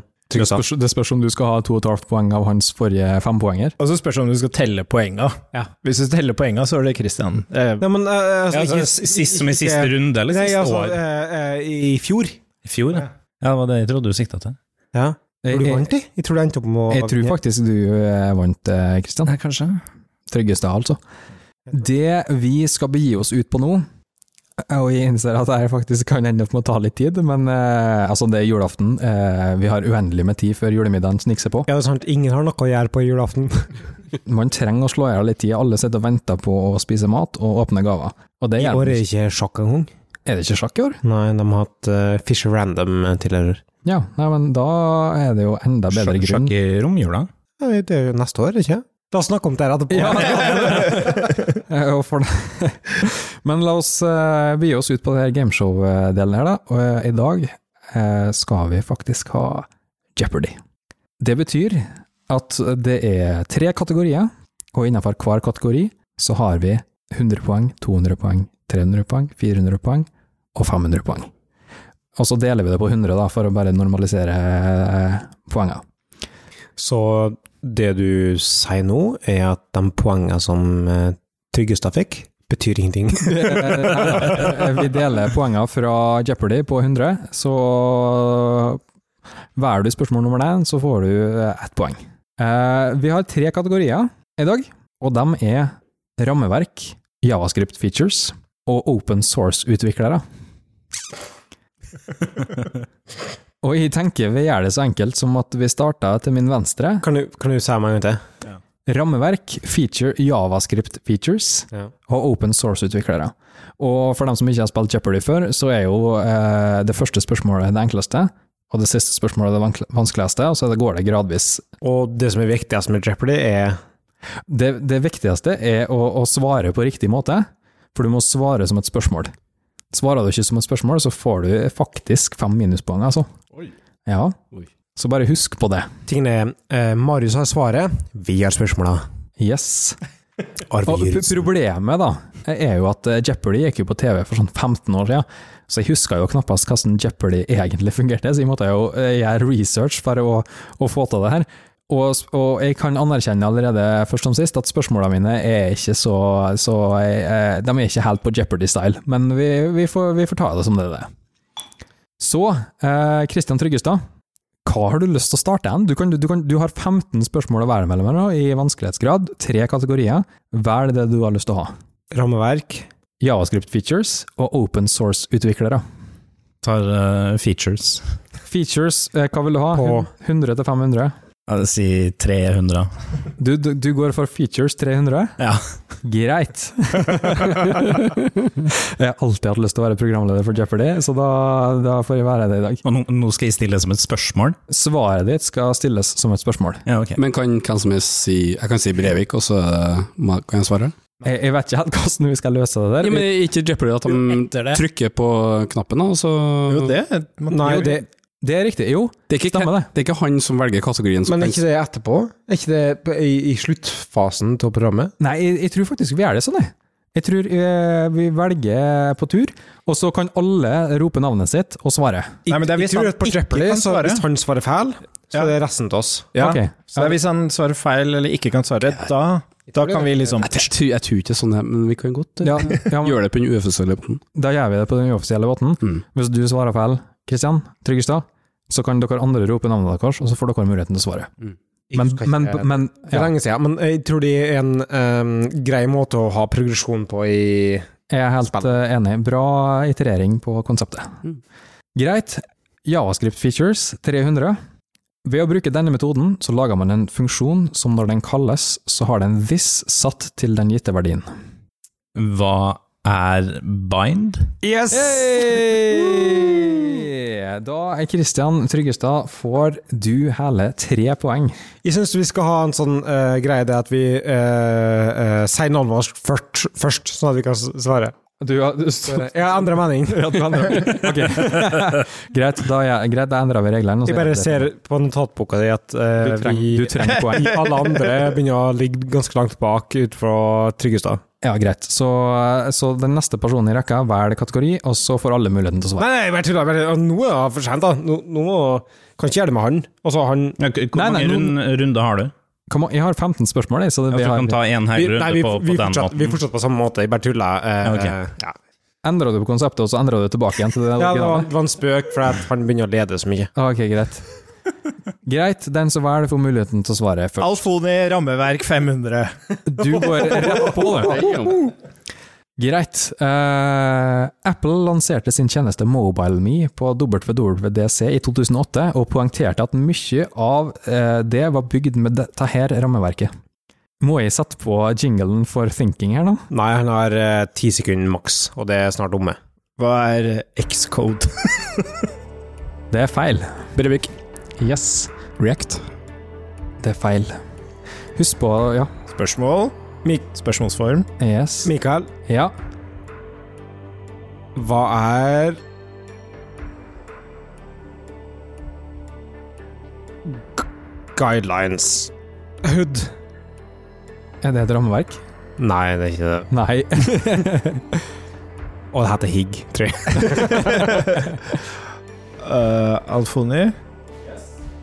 Hva er eh, Apple Framework? Nei. Husk på at vi er på det vanskeligste rammeverksspørsmålet her nå. Det er noe obskure greier. Og hvis dere ikke svarer riktig før tida er ute, så får dere fasiten. Mikael, Yes. hva er next step? Nei. Next step var eh, selskapet som var før Apple, som man baserte alle a- objektivisert-tingene sine på. Nei, ikke- Det svaret vi er ute etter, er altså Sproutcore. Aldri hørt om. Har du aldri Har du hørt om ikke hørt om det? Det har til og med jeg hørt om. Jeg gratulerer med det. Nei, men greit. Kristian Brevik, det er din tur å velge kategori. Eh, Mm. open source, utviklere, 300. Open source-utviklere 300. Denne utvikleren har bl.a. laga veldig, et veldig hendig verktøy for å lage dynamiske layout med CSS Grid. Hvem er David K. Piano? Nei. Nei, det åpna muligheten for dere andre. Mikael. å svare. Yes. Hvem er Sara Veira? Nei. Men jeg kan si så mye som at du har riktig fornavn. Mikael, Åh, Kristian. Mikael. Kristian. hvem er eh, Sara Dreisen? Dreisen. Ah, Kristian Brevik. Alfoni. ja, hvem er Sara Dressner? Jeg har aldri uttalt det før! Det var Hoiman. Det er åpenbart. Sara Dreisen, det får du ikke poeng for. Det er åpenbart, det er åpenbart Hoiman, ja, som er eh, core-utvikleren Fairview. Du kan jo spørre henne om hun føler at, du, var- at det var henne du mente. Hos Stra- Straysound? Vil du si at du har eh, grei Dreisen på eh, View, eller? Ja, det vil jo si hun er core-utvikler, så vil jeg Ja. påstå det. Passer bra med etternavnet du ga. Uh, tror du også fører opp eh, to poeng på meg?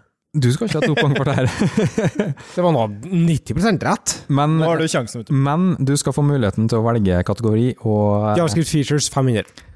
Java- Greit. Javascript 500.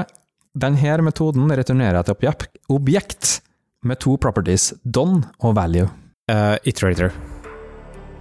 Vel. Eh, Nei, nå- hva, er- nå kan- hva er en Brevik, hva er en- Christian. Mikael, Kristian Brevik. Hva er Iterator? Det er feil. hva, eh, Mikael, Mikael, vær så god. hva er en iterable? D- Vi er ute etter en metode som returnerer et objekt med to properties. Brevik. Brevik, Hva er next? du har helt riktig. Gratulerer, Kristian. Du fikk fem poeng. Ja, men seriøst? Ekstrem flis greier for Jo, at men det er, en, Det er jo det er ting metoden. som en iterable returnerer. Vi kan må ikke ødelegge scenen for meg her nå. Du, eh, Kristian fikk poeng, eh, Mikael, så eh, Ah. Jeg skjønner hvordan spillet er rigga for at de skal tape. Greit. Eh, vi starter på en ny runde. Kristian Tryggestad, du kan få lov til å velge. Um, features 400. Features 400. Denne metoden eh, forhindrer nye properties fra å bli lagt til et objekt, og markerer alle eksisterende properties som ikke er konfigurerbare. Åh, kan du si det en gang til? Jeg kan gjøre det mens denne jinglen spiller. La han få svare først, da. Ja, Hva er eh, freeze? det er feil. Mikael, Mikael, hva er seal? det er riktig. Ja, du visste Åh! Jeg spurte man kunne se, Ah. jeg hørte ikke hva han sa. Nå har jeg hatt alt imot meg til nå. La meg få det her. Greit. Det gir eh, fire poeng til deg, Mikael. Greit. Da, Alfoni, skal du få velge neste. Eh, ta gjerne Open Source eh, 500. Du tar rett på Open Source 500. Med flere prosjekter fra Rust, som Typed HTML, IMRS og Hire, eller IMRS som du vil, har denne utvikleren blitt, kje- blitt et anerkjent navn innenfor open source. Og det kan hende at vi skal til Norge. Når er det nok for eh, Nei, vi skal få litt tid til. Til Norge. Hvem er Ole Jørgensen? Mikael, Brevik. Nei, du! du Mikael, var ikke ferdig engang. Han, han skal si 1, 2, 3, og så gå. Du skal få, Mikael. Bodil Stokke. Det er faktisk eh, helt riktig. Nei, vet du hva? Vet du hva? Reglene sier, Mikael, at eh, du får fem minuspoeng. Brevik. Jeg skjønner. Det er trivelig å se Mikael tape. Det er artig, det. Ja, ja, ja. Nei, men altså, du må jo huske hva reglene er, så det er så enkelt er det. Ja, ja. Eh, Så er det litt artig, da. ja, det er jo litt artig, da. Eh, Kristian Brøvik, Hvem er Bodil Stokke? nei, du skal få lov til å velge kategori. Å, ja. Får ikke jeg Han Nei. sa vel heller aldri eh, svaret, så jeg fikk minus, men han fikk ikke pluss. Mm. Eller? Nei, Det er en altså, slags seier, du, du, det, sa, da. du sa riktig, men du sa ikke eh, hvem er. Du fulgte ikke reglene. Så jeg får ikke, mul- jeg får ikke muligheten til å svare? Nei, fordi Selv om han har jeg jo sagt svarer. Ja. Men du skal få æren for Det ha er vært så å svare, da. surt. Ja, jeg ser den. De er så surt. Ja, men Rust, hvorfor er eh, Var uh, laga HTML-grensesnitt. Typed, jeg har faktisk tatt i bruk det. ah, Eh, ja, hva vil du ha, Kristian? Brevik, altså. Eh, open Source 400? Open Source 400. Denne utvikleren har lenge vært tett involvert i videreutviklinga av et rammeverk for å komponere asynkron og callback-basert kode.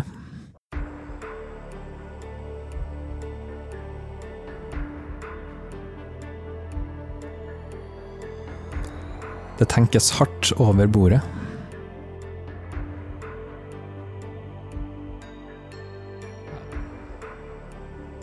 Er du ferdig? Ja, nei, eh, pass. Tida er ute. Mikael! Alfonio var først. Eh, hvem er eh, Dominic? Hvem er Dominic? Jeg kjenner ikke han Dominic, men det er feil svar. Eh, jeg, jeg syns altså ja, eh, Nicknamet hans, som du tenker på, er Dominic R, sant? Ja. Alfoni? Alfoni? Eh, hvem er Kyle Simpson? Nei. Er det andre som har lyst til å prøve? Mikael, eh, men altså eh, I et tilsvarende det er eh, eh, Hvem er Dominic R? Som er nicknamet hans, tror jeg. Det er fortsatt ingen Dominic eh, i fasiten. Asynkron kode. Og der er tida ute. Og den her trengte jeg egentlig du skulle ta, Tryggestad. Forsvaret er altså Ben Lesh.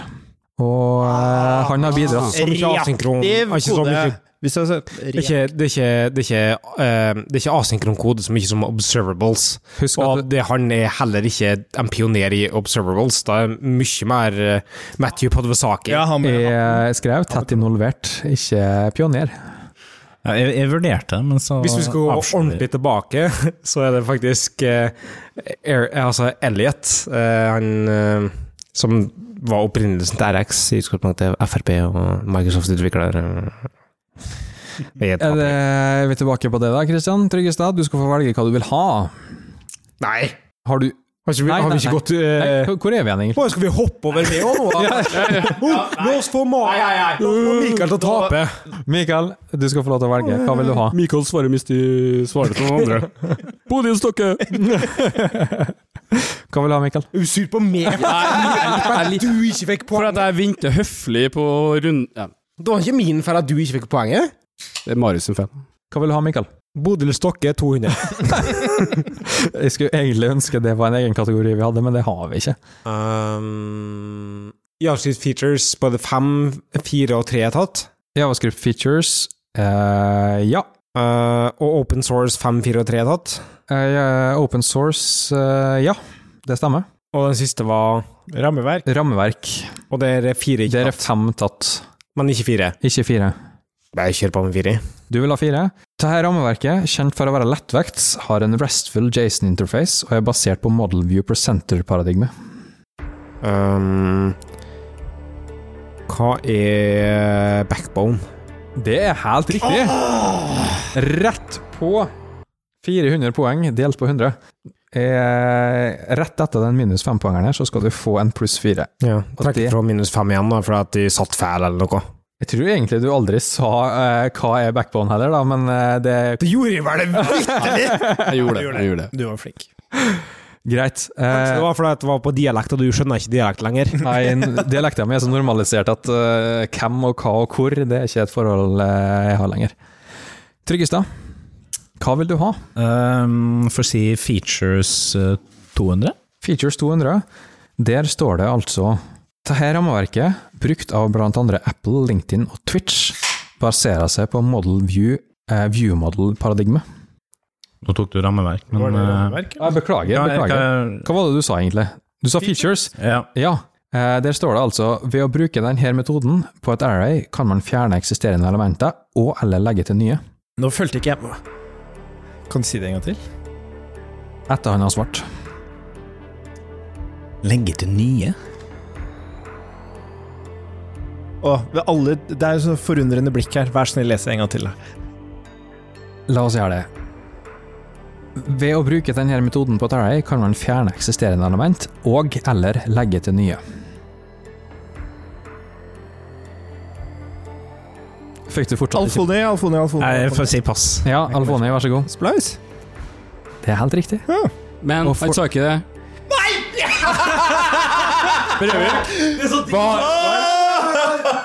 Nei, nei. Jeg, jeg dro en Bodil Stokke. Jeg tror det egentlig det heter å, å dra en Mikael, men eh, Men eh, hvordan Det hvor- heter kanskje ikke å dra noen. Nei, jeg tror egentlig vi ikke sier det. hvordan legger man til nye med splites? Eh, Et Det er annet, tredje argumentet. det er et argument til. Aldri. Eh, jeg liker å tro at de har ganske god kål på eh, Standardbiblioteket i Javascript. Aldri hørt om. Har du ikke hørt? Nei, Nei. hmm. men du trodde jo Splice var immutabelt òg, da. Tydeligvis. Ja. Så Splice er din akilleshæl, egentlig. Eh, på mange måter akkurat som Brad Pitt. Ja. Jeg vet hva du skal hjem og lese, opp, lese det opp på. Det, det, Filmen. det tror jeg jeg skulle til å si. Nei. Akilles. Nei. Mm, mm, Bra film. mm. Kjekk, da. Nei, ikke så bra film. Nei, kjekk. Ja, ikke, ja, ja, ja, ja. Det er Ah. Hvem, Ikke, hvem er det vi Ingen, snakker ingen Ryan Reynolds. ikke noe spørsmål. Nei, nei. For, Hva går det med spørsmålene, Marius? Nei, altså, spørsmålet her det, det som var så fint med at dere prøvde å dra ut tida her nå, er at jeg, jeg mangla fasiten på et av spørsmålene mine. For at de har ikke blitt synka på den flotte applikasjonen Notion som vi bruker. Men eh, vi prøver å finne ut av det.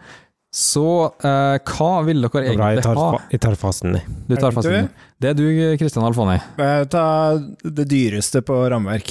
Du tar det dyreste som er igjen på rammeverk. Eh, Det dyreste som er igjen på rammeverk, er altså den nummer tre, som er Og nå beklager til den personen her, men jeg kommer til å ødelegge det navnet her så utrolig hardt.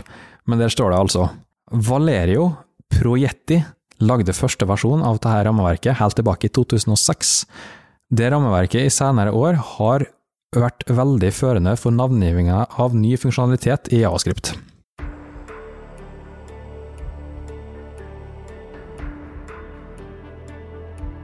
Førende for ny funksjonalitet i Javascript. Navngivinga av ny funksjonalitet i Javascript.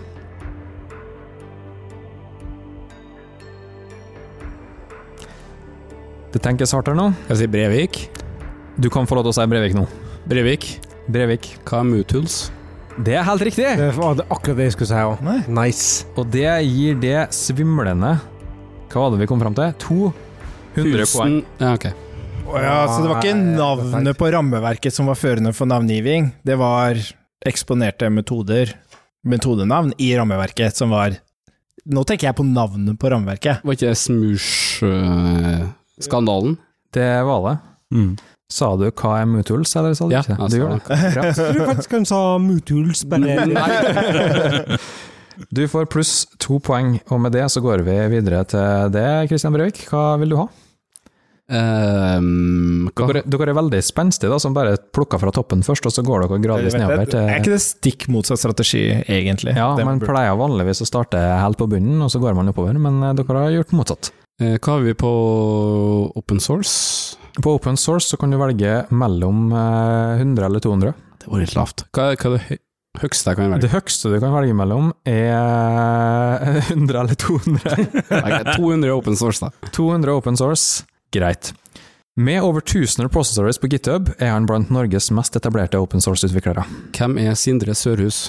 Det er helt riktig, og det gir deg dine to poeng. Du får to plusspoeng på det der. Jeg vil bare si at eh, jeg vil eh, gi en app- liten applaus til eh, den som er registrert som eh, Norges eh, fjerde, men, fjerde mest eh, prominente utvikler i Norge. Christian Alfoni! Men du er vel den eneste som ser på den lista, tror jeg, Mikael. Um, skal vi òg ta en tid til å anerkjenne eh, Norges mest pr femte prominente utvikler i GitHub? Mikael Brevik!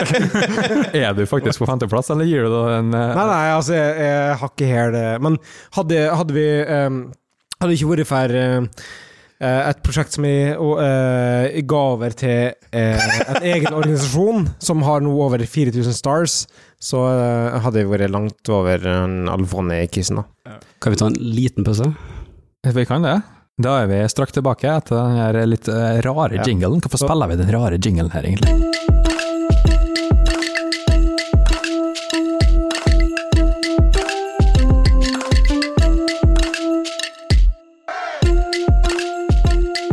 Og da er vi tilbake fra den der litt rare jinglen. Jeg håper og tror at det var en ju- julejingle. Eh, Kan jeg poengtere en ting? Det ble nevnt her før vi eh, hadde en liten pause eh, i forhold til eh, stjerner og GitHub-lister og sånn. Eh, Jeg skal ikke totalt irettesette Mikael her, men jeg også har gitt bort et par repoer. Eh, og du, men du nevnte at du har gitt bort et Jeg rep, tror, jeg tror ikke eh, det du refererer til nå, var ikke med i episoden i det hele tatt. var det ikke det? Nei. Det var lenge etterpå. Ok, da må du dra inn en gang til.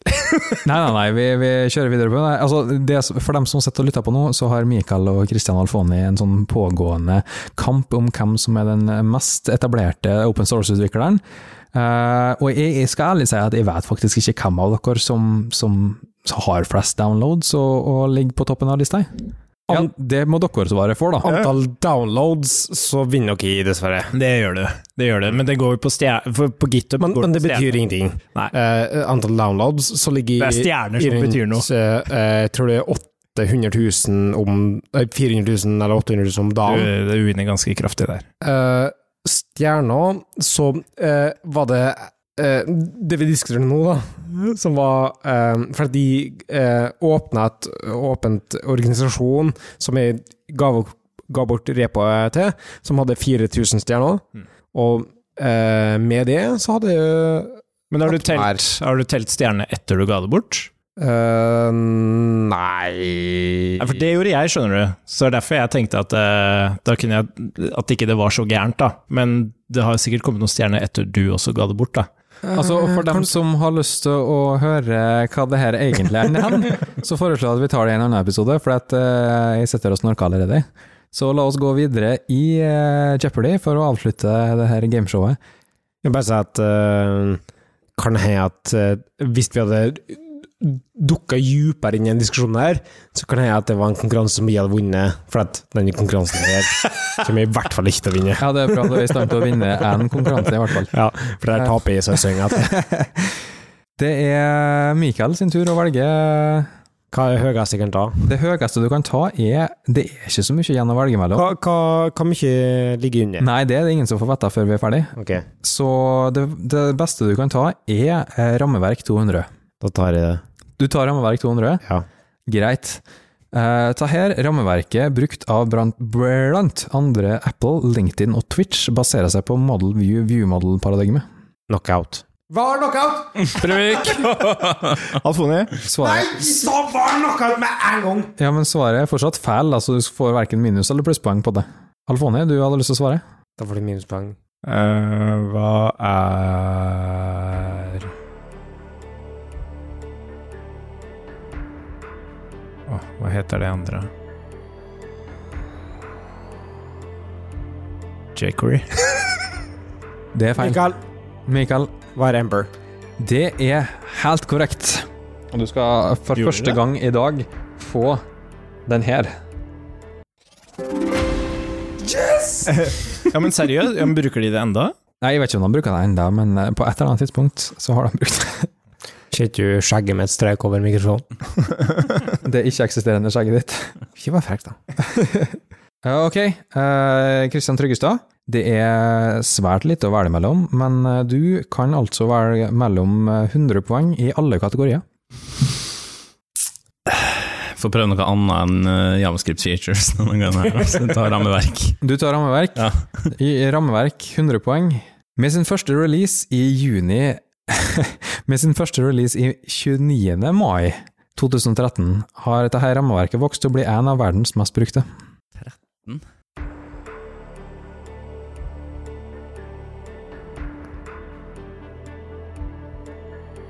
Hva er React?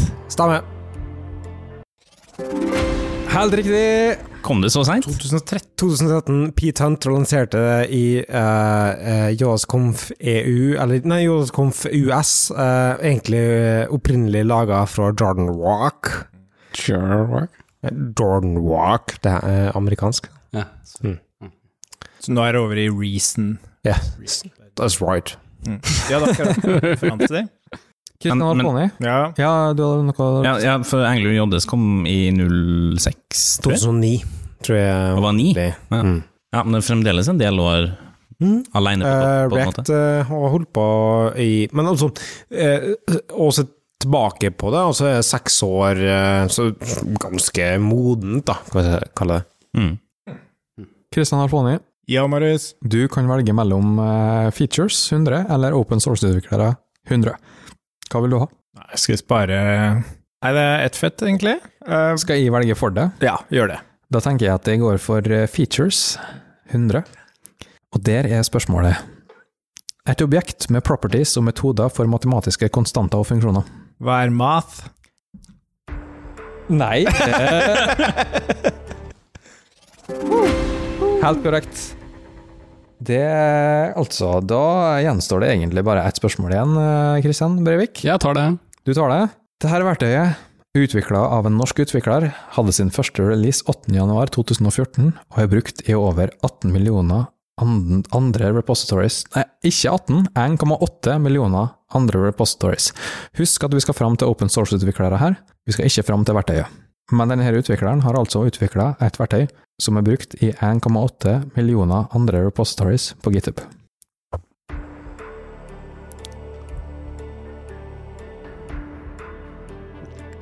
Det tenkes lenge over bordet her nå. Ja, nei, pass. Jeg Alfoni, vet ikke. Alfoni? hvem er Mikael Brevik? Det er helt riktig!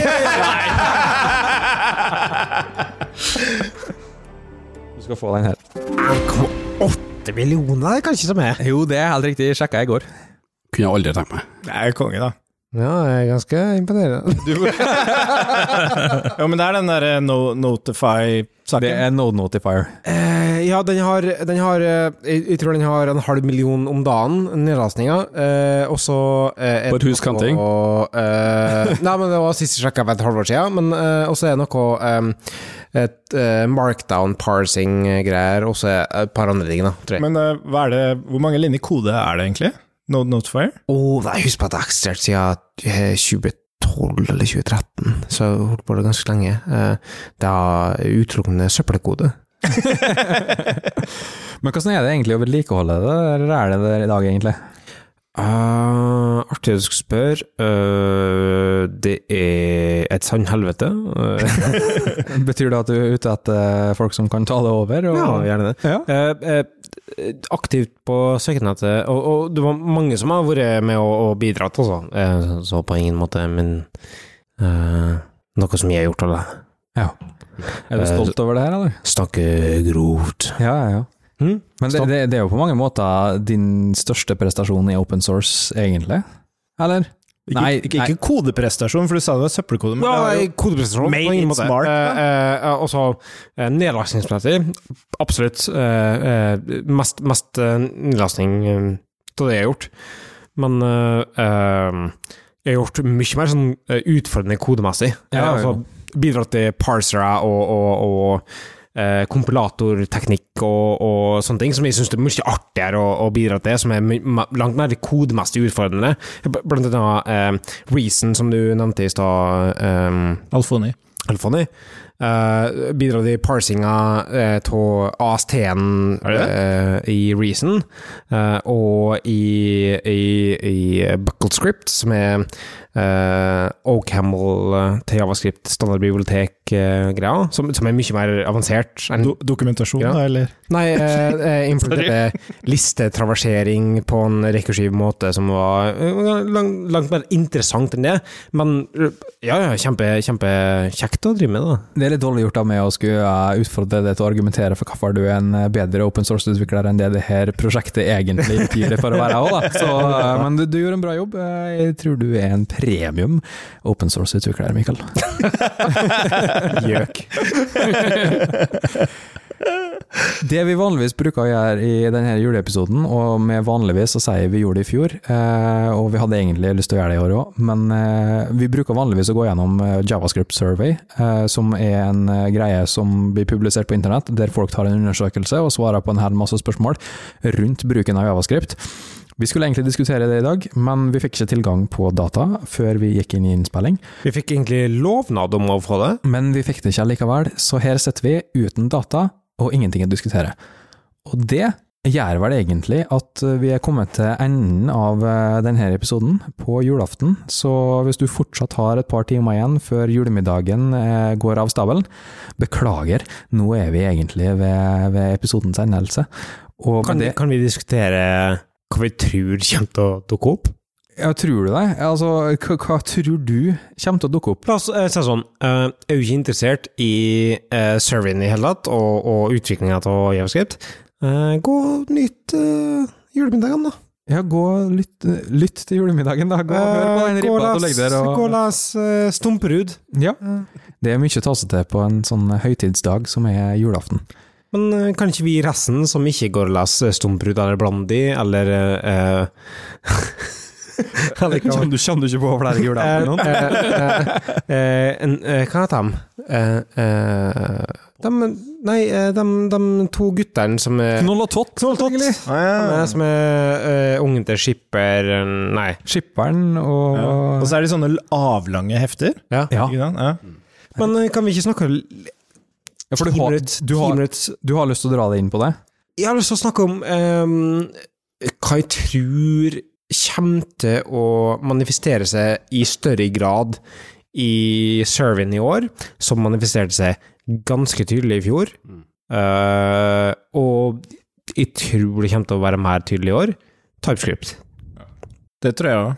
Og en ting jeg også tror, som jeg har kjent og tenkt veldig mye på, det er hvis man skal lage i- Altså, det vi har på en måte gått gjennom nå, det er at man lager API-er som er både for eh, ikke-TypeScript-brukere og TypeScript-brukere. Og det er utrolig vanskelig å få til det beste for alle. Det blir et kompromiss veldig ofte, da. Eh, Så det jeg tror vi kommer til å se, er at man snur litt på flisa. At det, det vil jo alltid funke for javascript-utviklere, men man bygger det for eh, for TypeScript-utviklere, rett og slett fordi Et veldig enkelt eksempel er at man lager en funksjon eh, som ikke gjør noe som helst, annet enn at det typer eh, responsen av den funksjonen. Som føles veldig ekkelt ut for en som driver med vanlig javascript, for funksjonen gjør ingenting, men for en TypeScript-utvikler så gir det absolutt mening, fordi du får masse inferens ut av boksen bare ved å kalle på den funksjonen, da. Så det tror jeg, da. Det kommer i hvert fall til å være mitt neste ja, TypeScript-prosjekt kommer bare til å tenke TypeScript. La oss eh, eh, dra ut fra det at eh, de som skriver bibliotek, sånn som du ofte gjør, eh, det er verdi å, å skrive TypeScript. eh, Konsumentprosjekt er mer opp til hver enkelt. Eh, sant? Er ikke, er ikke det en oppsummering? Jo, bare at eh, det er man, man kan ikke prøve å please både API-overflaten til rene javascript-utviklere og de som bruker TypeScript, fordi noen ganger så må man gjøre litt ting i TypeScript som gir deg fordeler når man bruker TypeScript, men som ikke gir mening i det hele tatt når man bruker javascript. Det, det er jo en slags dokumentasjon av API-design, det du gjør når du skriver definitions i, for eh, bibliotek, sånn som du gjør. Mm. Så det, altså med utviklerverktøy dit til å komme noen slags, så er det jo en verdi i å skrive TypeScript for JavaScript-utviklere. Å ja, sånn, ja. ja nei, jeg Er tenker, det ikke det? Jo, men hvis jeg skal definere et nytt API, Ja. så eh, er det Altså, API-design, da. Det er ikke upåvirka av om det skal eh, konsumeres med typer eller ikke, da. Altså, typer påvirker API-designet. Det er det jeg mener å si. Og javascript og er i en litt sånn pussig verden, fordi man har både TypeScript-konsumenter og javascript-konsumenter. Man har ikke bare én type konsumenter, Mm. eh, og det påvirker API-design, da. Så du tenker du begrenses av at du må tenke på begge konsumentene samtidig? Noen ganger så inngår man kompromisser, da. Jeg vil- som påvirker den ene I- eller den andre. dårlig. Litt som i gata som du sier nå, eh, Alfane. Eh, jeg vil påstå at eh, TypeScript har en lovnad om typesikkerhet og sånne ting, sant? Eh, I utgangspunktet eh, eh, å, å redusere eh, eh, eh, Redusere feil på mange måter. Eh, men i i, I sett og vis så kan det bidra til at API-design blir dårligere for at du bruker det, for at du må ta høyde for at det skal fungere på en spesifikk måte med typesikkerhet, eh, som gjør at du da reduserer intensjonen til API-et, og så for å tilfredsstille den måten det funker på i TypeScript, og så ender du opp med et dårligere produkt i utgangspunktet. Og Det, det er ett poeng. Og så et a- annet poeng også. Det er mengde typing konsumenten må gjøre for å få nytte av API-et. Så ta et eksempel Redux, for eksempel, som har et rykte på seg at man må Altså, det finnes veldig mange måter å type Redux på, men hvis man hadde tenkt den opplevelsen, da, altså eh, utvikleropplevelsen, typeopplevelsen som en utvikler, når man definerte API-et til Redux, så kunne man tenkt annerledes og eksponert flere funksjoner enn å ha mer sånne eh, reducers, barebone reducers for eksempel. Man kunne hatt funksjoner som definerte en reducer, som ga deg mer inferens i typing og sånn da. Og så er det det med ordentlig typedefinisjoner og typespesifikasjoner, og så er det TypeScript-måte å skrive ting på, som er egentlig to forskjellige ting. For at hvis du skriver kode i eh, språk som er eh, skrevet i, i, i ordentlig type språk, så kan du skrive på en, eh, på en viss måte, og så i TypeScript på en annen måte. Men jeg synes det som er interessant, da, for det som starta diskusjonen her, var hva vi tror er state of JS 2019. Voksne TypeScript. Det, det, Og Det, men det du sier, og jeg tenker Vi kan snakke om detaljene på hva vi mister og hva vi gainer med TypeScript, men poenget er uansett vi tror det vokser. helt, eh, helt eh, sant, det. Godt poeng. Og det, altså, det må være en grunn til det. Det, Jeg tror vi det, så- det får ikke mer mindshare fordi at det er bare sånn, det, det, det er av seg sjøl. Det, det må være en reell grunn til at folk velger å bruke TypeScript. Hvis jeg ikke husker helt feil, så så vi i forrige undersøkelse at det var 55 oppslutning i TypeScript. Var ikke det noe rundt den grunn? Og jeg tror faktisk det vokser fra en allerede styrkende posisjon. Ehm, men litt rundt av argumentasjonen min i- rundt det er at jeg tror mange av dem som svarer på den, er de som lager bibliotek, eh, og at konsumenter ikke nødvendigvis er representert i den undersøkelsen. Da. Men jeg tror den kommer til å stige, og jeg tror den kommer til å stige av konsumenter og produsenter. Da. Eh, men jeg tror ikke den er så høy som en 55 Nei. Jeg tror det er en veldig skjevfordelt Jeg tror du har veldig rett i det. Jeg tror det er en skjevfordelt representasjon av hva som faktisk blir brukt. Ja, men, men det har jo litt med øhm, hvor mange rammeverk som er på en måte laga for øh, TypeScript, da, på en måte. De fleste funker kjempebra med det. Ja, det har, det har blitt bedre og bedre med årene, ikke sant? Ja. React var jo sikkert ikke så veldig enkelt, for det var litt magisk eh, For kode som Mm. Hva er to TypeScript bare nuller, ikke noe, hva skjønte. er det? Mm. Ja. Så det blir bedre og bedre, og da kommer sakte, men sikkert resten av communityet til å begynne å ta det i bruk etter hvert som de ser fordelene med det. Da. Og så er det forskjell på det eh, Man har jo det typed Hva heter det? Typed eh, Definitivt. Types. Def definitely Types. Typed-prosjektet, som, som egentlig kaster typer på API-er som har blitt utvikla uten å tenke på typer. Nå hopper jeg jo tilbake til mitt eget poeng, da. Mhm. Men jeg, det kommer til å bli flere og flere nye API-er, der man har tenkt typer fra starten av, og som gjør, det, som gjør at du oppdager fordelen med typene uten å investere så mye i det, eh, tenker jeg da. Eh, Mm. det, det skal TypeScript ha, da. Eh, rettmessig så at eh, community er stort, og litt av det som er grunnen til at det vokser sikkert i popularitet òg, eh, det er at nesten uansett hva slags pakke du møter på, så eh, finnes det en eh, at types, altså definite type-pakke for det.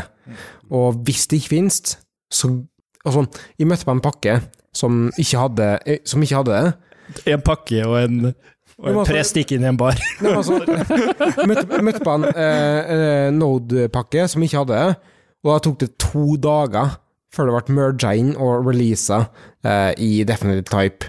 eh, greia som, som at det var Som du sjøl bidro til? ja, ok. Så det går, altså, feedback-loopen for å få inn noe går s- kjempefort, sant? Og, og visste du at eh, VS Code, den eh, laster auto, altså selv om ikke du bruker TypeScript, så laster den automatisk ned typene i bakgrunnen når du bruker Mm. JavaScript, så du har typing uten at du vet det. Den bruker også JS-dokk, så den klarer å tyde ut ifra JS-dokk eh, types. Gjør den det? Ja, hvis du har eh, dokumentert funksjon eller hva det, hva det er av typer, så klarer den å se det ut ifra det.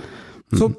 oppsummert, vi tror fortsatt at eh, TypeScript eh, har vokst. Eh, er det er den største eh, datapunktet vi drar ut av av undersøkelsen. Mm. Nå er jeg sjukt spent på å høre på at eh, Kristian Tryggestad har vunnet quizen. Ja, altså, altså Jeg syns jo det er utrolig interessant å høre på dere eh, gjette på hva som kommer til å bli den store vinneren av Javascript-året 2019. Og så får vi jo se da når eh, Javascript Surveys faktisk blir publisert. I fjor ble det publisert i slutten av november. Nå er vi allerede på 24. desember, og det kan hende at det er publisert. Det er jo ei uke etter at vi spiller inn der. Ikke si det, da. Ja, det, det er ikke sånn at vi spiller den på julaften uansett, så det hadde folk funnet ut allikevel. Men jeg sitter nå med eh, vinneren.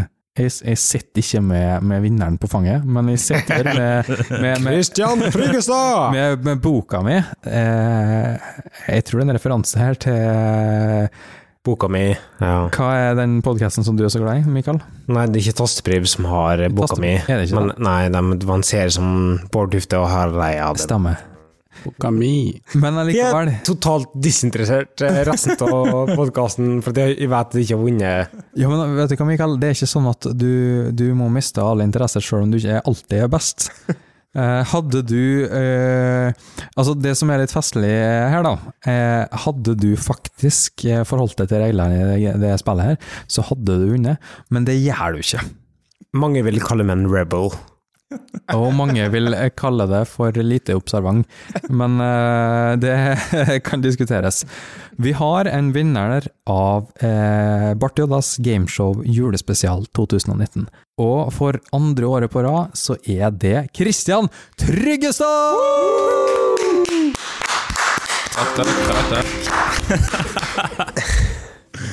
Jeg har ikke mer å si. Men, eh, Du får eh, Hva er poengsummen? Poengsummen ja, Du vil faktisk at jeg skal lese opp poengsummen? Ja! Ja, Har dere fortsatt bitte over en ja episode? Ekstremt bitte. Jeg det, tror det, var- det er veldig festlig at du ber meg om å lese opp eh, poengsummen, for det er du som havna nederst. ja, ja, men det er Mikael sin feil, så det går fint. Kristian Tryggestad vinner med 13 poeng. Mikael havna på en andreplass med 10 poeng. Alfoni, du får en jeg skulle til å si femteplass, men du får en tredjeplass med fem poeng. Og Kristian Børvik, fjerdeplass med fire poeng. Pluss fem for Bodil Stokke. Jo, men hadde ikke Mikael ødelagt for det, så hadde du faktisk fått det. Men eh, slik ble det nå, i hvert fall. Men Jeg tror det er en måte å skylde på meg for det òg. Men for eh, dere som fortsatt er med oss i denne episoden her, og som ikke står og lytter til ribba og, og prøver eh, iherdig å få til Eller spørsmål pinnkjøtt, da, som er det beste som finnes. Ja, jeg liker verken eller, jeg, så jeg, jeg står og venter på medisterkaka som står og stekes Med ketsjup på, eller? på Nei, uten ketsjup. Men jeg tar gjerne litt potet og litt eh, rødkål, det om jeg får. Kristian Tryggestad, eh, hvis folk har lyst til å finne deg i sosiale medier, hvor finner man deg da? Eh, Larifax på Twitter og GitHub og Slack-kanal. Ja, som vi finner på. Uh, Slack.bartjds.io. Det er helt riktig. Kristian Alfoni, er du tilbake i sosiale medier nå? Har du eh, Jeg er relativt, eh, relativt aktiv nå. Ja. Så jeg er på Twitter og GitHub og e-post. Du er på e-post nå? Eh, Jeg er på telefon òg, men Ja. der eh, finner du meg ikke gjennom eh, handlet mitt, som er Christian med ch, Alfoni, ett ord, små bokstaver. Perfekt. Kristian Brevik, hvis folk har lyst til å komme i kontakt med deg, hvor når de deg da? Det er vel eh, Christian Brevik på Twitter, eller C. Brevik sikkert overalt ellers. Jeg skjønner. Og Mikael, der, eh, de traff deg på Eh, hvis du går på 1881 og søker etter Christian Alfoni eh, og telefonnummeret der, uh, satt utrolig pris på eh, SMS-er. Det er veldig rart at du har ruta telefonnummeret ditt til Kristian. Alfoni. Ja, men det er like like. Er det sånn outsourcing av eh, kon- eh, han sekretæren din? Ja. jeg skjønner. Men ellers i sosiale medier, så når folk det er på At Mikael Brevik, og faktisk også at underscore Bartidas. Nydelig. Vi finner dere som vanlig på attkrakels på Twitter. Og da gjenstår det egentlig bare å si takk for at du hørte på. Så høres det neste episode. det var, jeg takla ikke den eh, snuingen der. Nei, jeg skjønner. God jul da, folkens. God jul! God jul!